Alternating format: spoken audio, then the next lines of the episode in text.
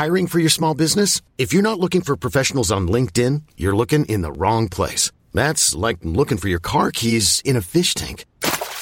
LinkedIn helps you hire professionals you can't find anywhere else, even those who aren't actively searching for a new job but might be open to the perfect role. In a given month, over 70% of LinkedIn users don't even visit other leading job sites. So start looking in the right place. With LinkedIn, you can hire professionals like a professional. Post your free job on linkedin.com slash achieve today. Er det risikabelt å ansette kinesere på norske arbeidsplasser? Jeg diskuterer influencer marketing med omdømmeekspert Nils Apland. Facebook er 15 år, og vi deler alternative nyheter som aldri før i sosiale medier.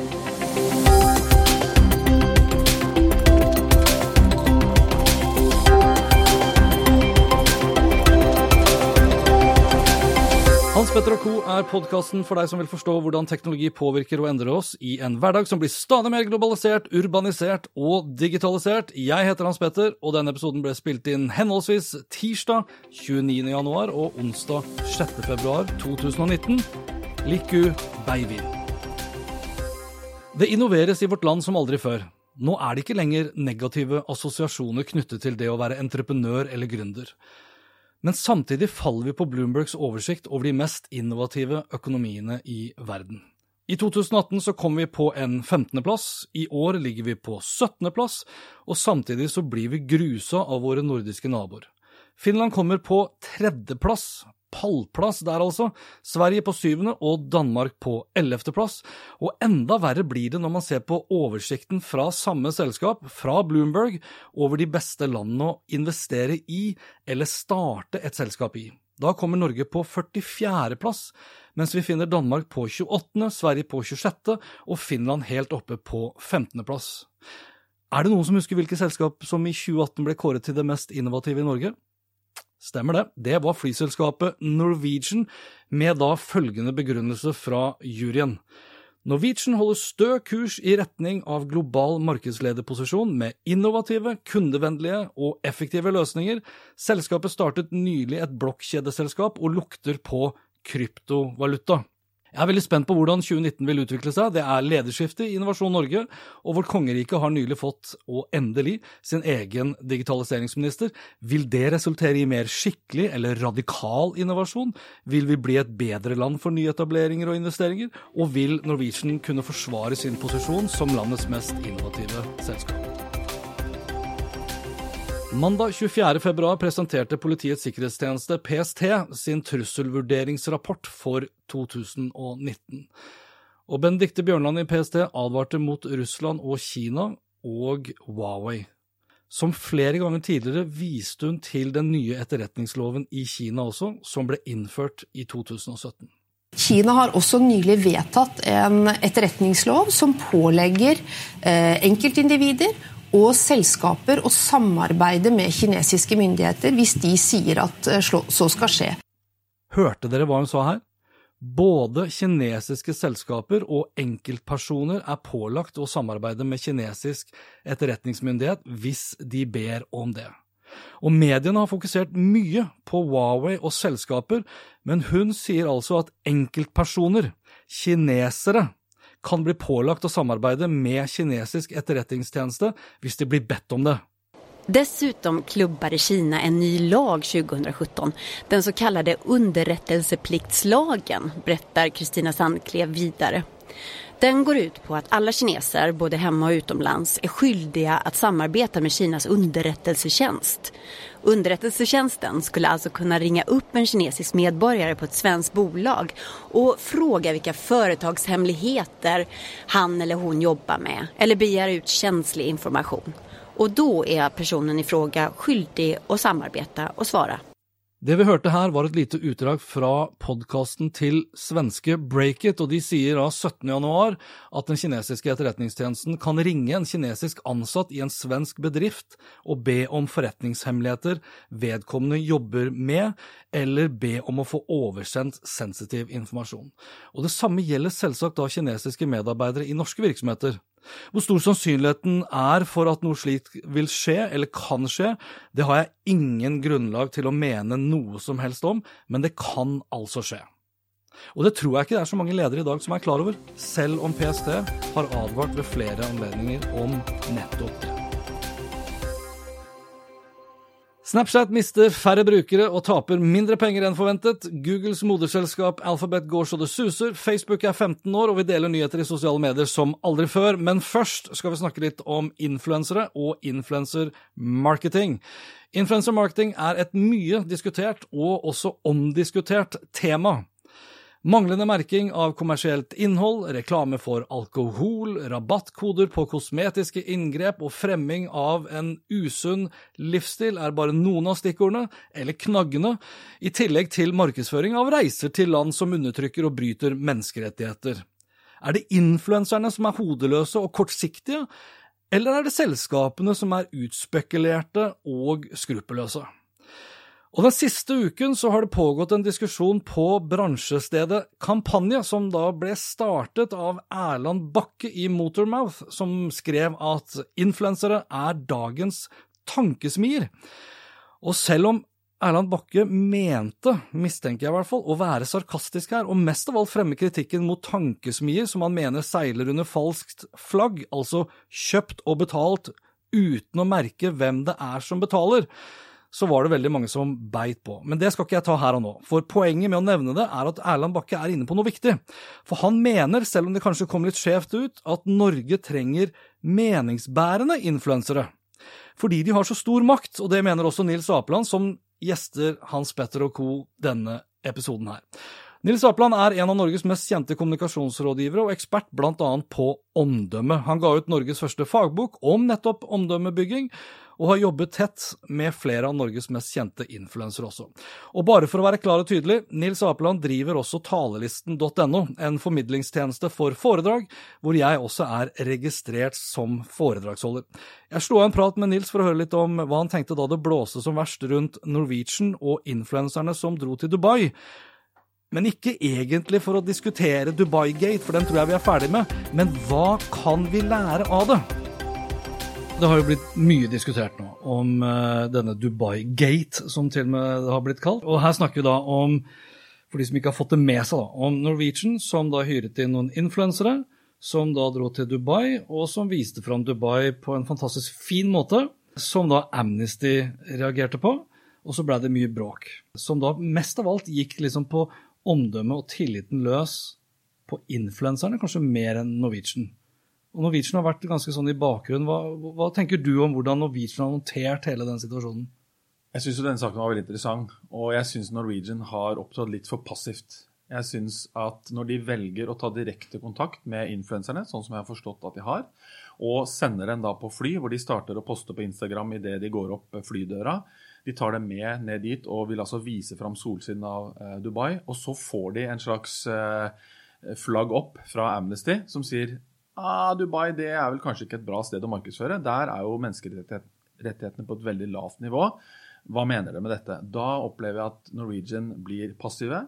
De eh, forsøker å tåkelegge hvem egentlig som står bak denne turen. og Så viser det seg etterpå at det er da eh, turistselskapet i Dubai, det offisielle selskapet som skal markedsføre Dubai, som da sørger for opphold og eh, innhold mens Norwegian har stått for reisen. Og så blir det stille fra Norwegian. Jeg syns de har vært for passive. Og jeg synes I lys av den kritikken som har kommet fra Amnesty, som jeg også syns er meget bra at de tar den jobben, så syns jeg Norwegian burde flagget hva gjør de for å motvirke de eh, bruddene på menneskerettighetene som skjer i Dubai, ikke bare fly folk dit. Kan det være et smart salgsgrep å ta, eh, ta i bruk unge influensere som kanskje ikke tenker like nøye gjennom slike ting? Og når da liksom, når shitstormen melder seg, da, så melder du deg sjøl ut, og så blir liksom omdømmet og tilliten bare overlatt da, til, til, til disse influenserne. Ja, Det syns jeg i så fall er uansvarlig, hvis det har vært gjennomtenkt. Ja. Fordi de som dro på turen her, så vidt jeg vet, er hovedsakelig ganske unge mennesker. Kjenner noen av dem. Uh, unge mennesker med begrenset erfaring i markedsføring og business, med unntak av det de gjør selv. Og hvis det har vært en kalkulert grep fra Norwegian, så syns jeg det er uh, uansvarlig av et så stort selskap. Jeg tror heller at Norwegian har tenkt mye mer instrumentelt med tanke på vi skal åpne en rute. Hvordan kan vi gjøre dette kjent? Vi har ikke lyst til å kjøpe helsides annonser og bannere, for det er dyrt og virker ikke så bra. La oss bruke noen av de som vi har lyst til å få til å reise dit. De som er opptatt av luksus, strand, ørken, sol og, og store shoppingsentre. Vi går på influenserne. Så de har tenkt riktig, men så har de fått litt eh, kalde føtter. Og så syns jeg de roter det til ved å bli passive. og ikke viser noe særlig ansvar. Så jeg skulle ønske at Norwegian ville flagge i nær fremtid et eller annet konkret og godt tiltak som de gjerne putter penger på, som viser hva gjør vi for å forbedre forholdene for dem som i dag f.eks. blir fengslet i Dubai fordi de poster meningene sine, eller fordi de er homofile. Men da ville kanskje færre reist til Dubai? Det er mulig, men ja. som en så stor virksomhet som Norwegian i dag, så er det også en samfunnsaktør. Og jeg mener at de kan ikke la være å gjøre noe med dette. De sponser og støtter Unicef, de gjør veldig mange bra ting. Norwegian er et fint selskap på mange måter, men her syns jeg de har en jobb å gjøre med å tenke litt bedre gjennom også hvordan forholdene er på bakken dit de flyr norske turister. Jeg synes jo, altså, Du har jo Norwegian, og så har du Bank Norwegian. For du har jo liksom Bank Norwegian som da selger Jeg syns jo forbrukslån er noe herk. Det gjør Altså det er en grunn til at Silje Sandmæl i DNB vil ha liksom for, forbrukerøkonomi inn på skolen. Du har da, da har du forbrukslånaktøren Bank Norwegian, som da gjerne flagger det å bruke liksom et dyrt forbrukslån til å reise da til Syden eller da til Dubai. Og som da på toppen av det hele bruker penger da, på å kjøpe konkurrentenes søkeord på Google og vinne fram til og med tingretten på det her. Er det sånn at loven, altså Så lenge du er innafor loven, så kan du gi beng egentlig tek og moral, så kommer du unna med godt uh, omdømme likevel? Jeg kjenner ikke den bransjen så godt, men da jeg var i militæret, så var min jobb å jobbe som velferdsassistent. Og jeg satt bl.a. og tok hånd om de som var blitt gjeldsslaver fordi de ikke hadde klart å uh, gjøre opp med banken sin før de gikk inn i militæret. Og nesten uten unntak så var det ganske stakkarslige personer som hadde kommet inn i en dårlig situasjon, og den har bare blitt verre og verre.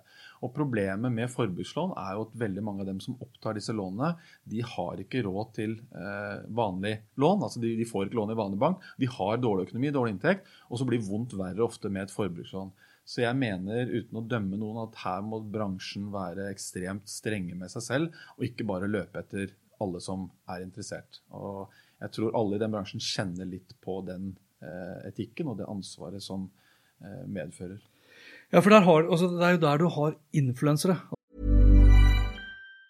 Even on a budget, quality is non-negotiable. That's why Quince is the place to score high-end essentials at 50 to 80% less than similar brands. Get your hands on buttery soft cashmere sweaters from just 60 bucks, Italian leather jackets, and so much more. And the best part about Quince, they exclusively partner with factories committed to safe, ethical and responsible manufacturing. Elevate your style without the elevated price tag with Quince. Go to quince.com/upgrade for free shipping and 365-day returns. Hiring for your small business? If you're not looking for professionals on LinkedIn, you're looking in the wrong place. That's like looking for your car keys in a fish tank.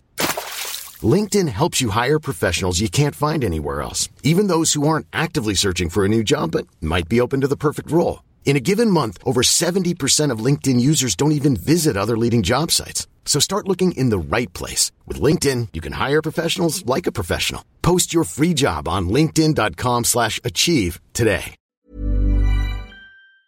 Så det er jo påvirkere. Når du sier at det er stakkarslige som da liksom tar opp disse forbrukslånene, eller da personer som kanskje ikke kan nok om egen økonomi, som da blir påvirket da, av hundretusener av liksom fremadstormende influensere som de har høy grad av tillit til.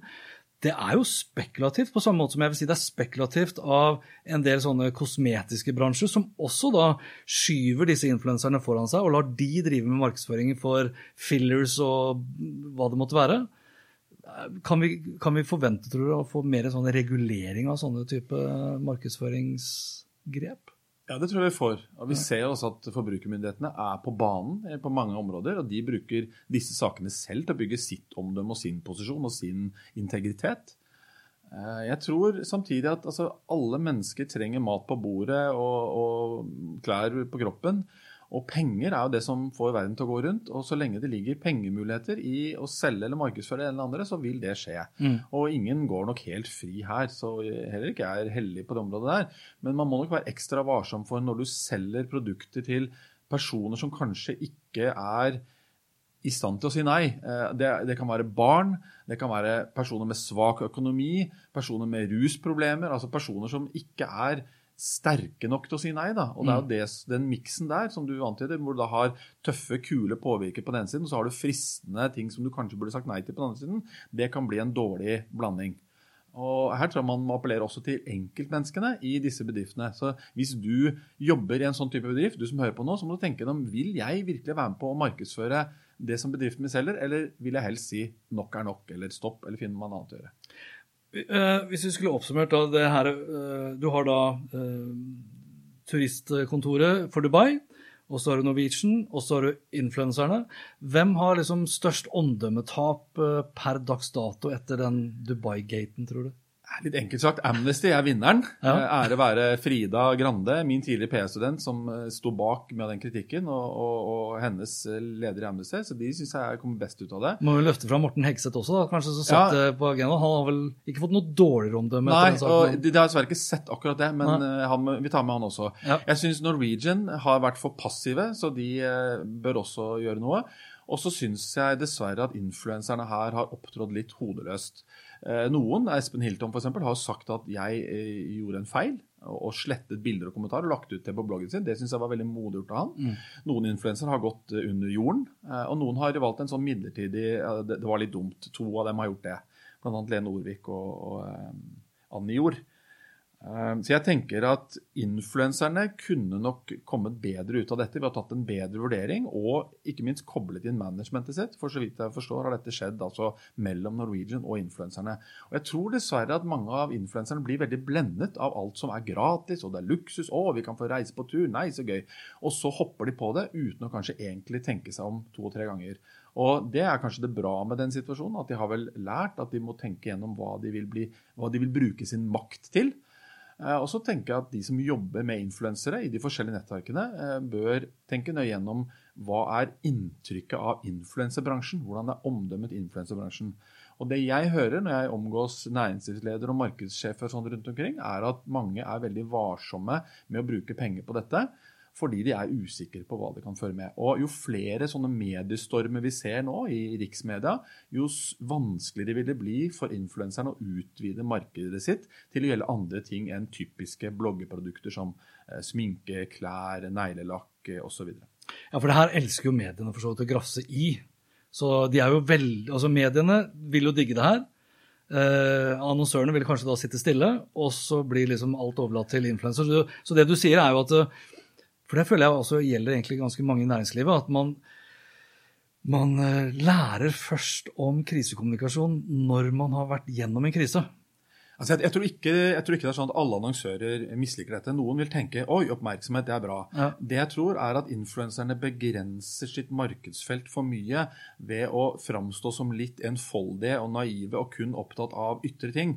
Jeg syns det er bra når influensere også bruker stemmen sin til ting som er viktigere, som f.eks. Sofie Elise gjør eh, fra tid til annen. Enten det handler om dyrevern eller, eller innhold i sjokolade, hva det er for noe. Mm. Jeg mener at influenserne bør forstå sin samfunnsrolle og medierolle bedre, og ikke minst også overfor barn og unge. Og innimellom skrive og snakke om ting som er andre ting enn det som kun er overfladisk. Er det fordi de kanskje er litt, altså En ting er kanskje de er litt unge. De har ikke drevet selskap eh, tidligere. Eh, og de tenker kanskje kortsiktig. Også, vi må liksom brenne nå mens eh, jernet er varmt. liksom. Noen bygger klokker, andre forteller tiden. Jeg føler at det er mange influensere som bare forteller hva klokken er, og så er det noen få som bygger klokkene. Jeg er enig i det. Jeg tror at flere av influenserne kunne tjent på å ha en mer langsiktig eh, og bredere strategi. Og der må jo de få hjelp fra sine respektive nettverk, hvor det sitter profesjonelle, erfarne markedsførere som også kan se det utenfra, ikke bare fra sin egen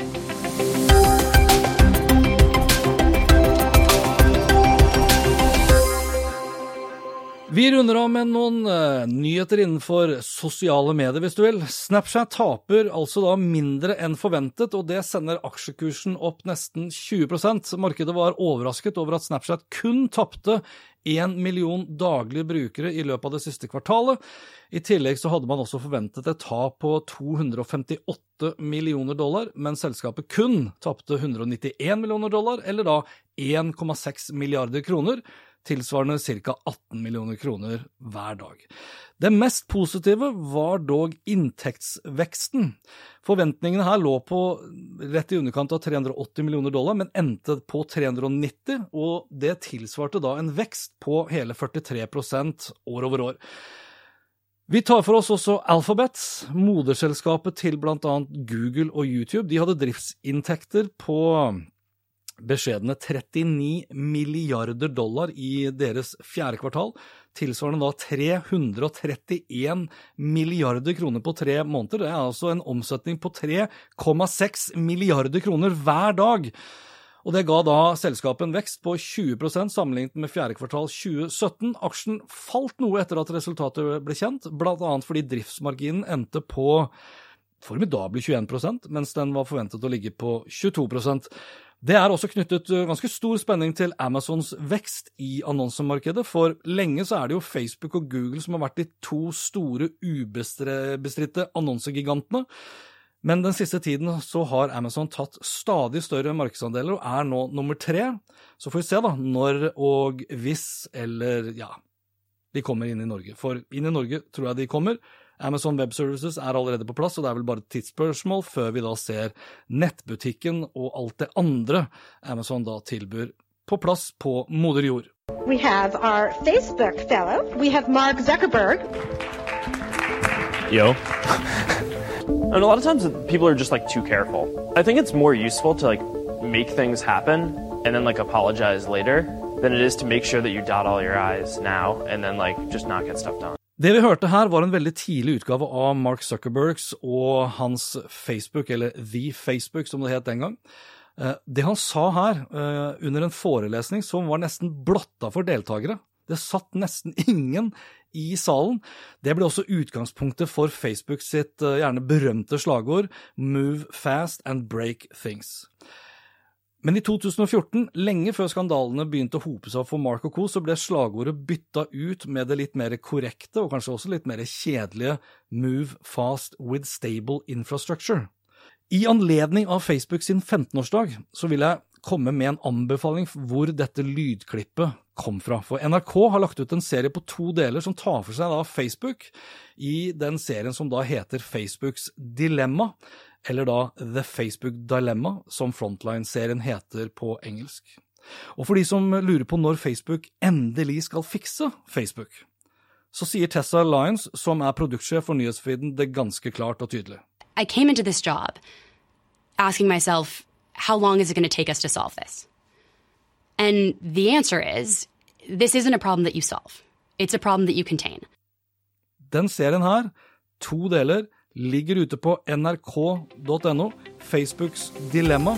Den anbefaler jeg på det sterkeste. Sett av et par timer og se den uh, serien. Vi runder av med nyhetstjenesten storyboard.mx. og De overvåker hva vi deler av nyheter i sosiale medier. Og mens eh, mange har snakket om at vi er mindre engasjert, og vi er mindre til stede, og vi deler mindre osv., så, videre, så vokste faktisk da nyhetsdelingen i januar 2019 med 40% sammenligna med januar 2018. Ja, du hørte riktig. 40% vekst. De 168 000 artiklene som Storyboard har overvåket i januar, ble delt nesten 17 millioner ganger. 9 millioner delinger falt innenfor topp ti av disse nyhetsstedene. NRK, VG, Dagbladet, TV 2, Nettavisen, Resett, Aftenposten, Sosialnytt, Newsner og eh, dokument.no. NRK alene sto for 26% av den topp ti-listen, VG 13% Dagbladet 12% Og så nevnte jeg fire såkalte alternative nyhetssteder. Resett, Sosialnytt, Newsner og dokument.no. For det er faktisk da de alternative nyhetene som vokser mest hvis vi sammenligner januar 2019 med januar 2018. De sto da for 850 000 delinger i sosiale medier, de fleste fra Facebook. I januar 2019, året etter, over to millioner. En endring her, en vekst på nesten 140% og det er Sosialnytt som leder an med hele 367% vekst mens Resett er nummer to med 146% vekst. newsnur.com 107% og så blander NRK seg inn her med formidable 70 etterfulgt av dokument.no med 62% Samtlige av topp ti nyhetssteder via storyboard.mx har vekst, med unntak av én. tv2.no faller med hele 24% fra januar 2018 til januar 2019. Dette var det. Liker du det du hørte og vil forsikre deg om at du får med deg de neste episodene, vel, da kan du bl.a. abonnere på Hans Petter Co. på Apple Podcaster. Ellers er podkasten selvfølgelig også tilgjengelig på Spotify, Google Podcast, Overcast, TuneIn Radio, og selvfølgelig også da på din favorittpodkastspiller. Inntil da, vær nysgjerrig! Det er den beste måten å møte vår digitale fremtid på.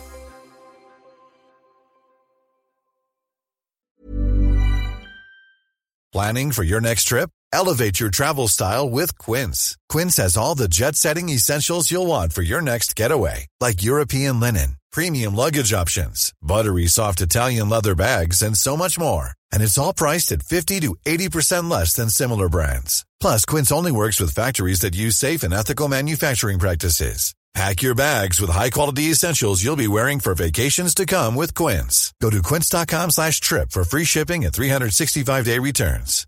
My business used to be weighed down by the complexities of in-person payments. Then, Tap to Pay on iPhone and Stripe came along and changed everything. With Tap to Pay on iPhone and Stripe, I streamlined my payment process effortlessly. Now I can accept in-person, contactless payments right from my iPhone. No extra hardware required. What's truly remarkable is how I can cater to all of my customers' payment preferences. Whether they're using cards, Apple Pay, or other digital wallets, Tap to Pay on iPhone and Stripe ensure a smooth checkout experience every time. And it's not just me. Stripe helps businesses of all sizes, from local markets to global retailers, scale quickly and stay agile. To learn how Tap to Pay on iPhone and Stripe can help grow your revenue and reach, visit stripe.com slash tap iPhone.